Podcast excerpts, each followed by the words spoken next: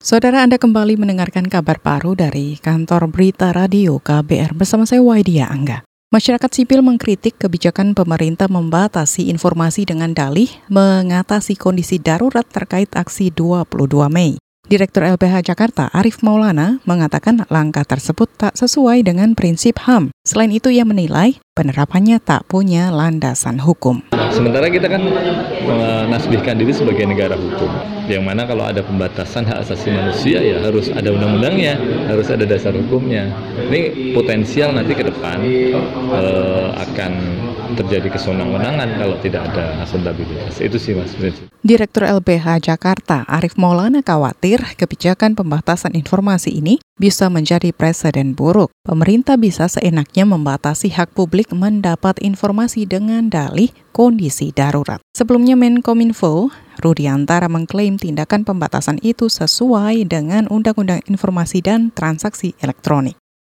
Kita ke berita selanjutnya. Pencairan dana jaminan hidup atau JADUP korban gempa di NTB baru berjalan di empat daerah. Jumlahnya sekitar 11 miliar rupiah untuk 5 ribuan keluarga. Kepala Dinas Sosial NTB, Wismaningsih Draja Dia, mengatakan dana jadub untuk wilayah Lombok Utara, Lombok Timur, dan Sumbawa masih menunggu rampungnya verifikasi data. Jadi yang sudah terrealisasi baru tahap satu hmm. itu untuk untuk uh, Lombok Tengah, Kota Mataram, Lombok Barat dan Sumbawa Barat. Terakhir kemarin saya di Lombok Barat kemarin juga sudah menurunkan langsung memberikan langsung kepada masyarakat sana dan sekarang masih berapa hari ini pasti proses karena bekerja sama dengan BNI.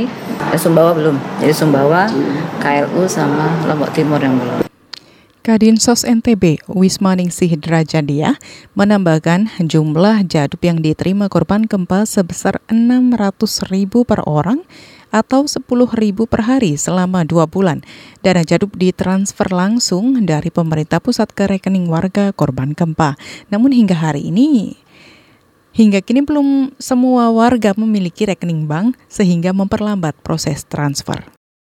Kita ke berita selanjutnya, Dinas Bina Marga Jawa Tengah mengebut perbaikan Jalan Lintas Selatan atau JLS di Desa Karanggayam, Banyumas. Koordinator Pengawas JLS Pujiono mengatakan titik ini longsor pada akhir tahun lalu. Kata dia hingga hari ini perbaikan jalan baru mencapai 70 persen. Hal ini lantaran pemasangan bor pel membutuhkan waktu lama dan ia menargetkan perbaikan rampung H-10 lebaran. Itu saya masih punya PR longsoran satu mas di kilometer 43700. Tapi tetap saya prinsipnya nanti per tanggal H-10 lah ya. Itu sudah saya selesaikan. Dulu longsor itu memang harus di dengan konstruksi uh, pel kemarin udah di borpel terus atasnya dipakai cor itu dinding penahan tanah. Udah selesai sih tinggal timbunan saja mas sama perapian bau jalan dan anu e, kondisi sudah sekitar 70 persen. Itu saja. Kalau kalau lubang kayaknya secara umum sih sudah aman.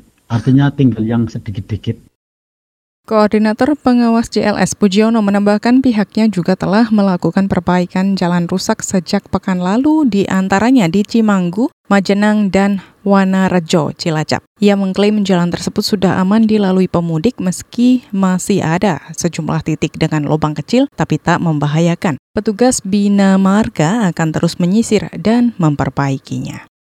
Saudara kita ke berita selanjutnya, Menteri Tenaga Kerja Hanif Dakiri memastikan aduan terkait pembayaran tunjangan hari raya THR bakal ditindaklanjuti. Hanif mengatakan posko layanan pengaduan masalah THR dibuka sejak 20 Mei lalu hingga 10 Juni mendatang di seluruh provinsi. Jadi totalnya sekitar satu bulan yang e, fungsinya nanti adalah untuk memfasilitasi pengaduan-pengaduan dari maupun konsultasi yang terkait dengan masalah THR. Jadi baik itu pekerja maupun dari kalangan manajemen e, dunia usaha misalnya. Menaker Hanif Dagiri mengklaim pengaduan terkait THR pada 2018 turun signifikan dibanding tahun sebelumnya. Tahun lalu jumlah aduan tercatat sekitar 600 kasus, turun jauh ketimbang 2017 yang mencapai 2.000 lebih. Saudara demikian kabar baru dari KBR, saya Waidia Angga.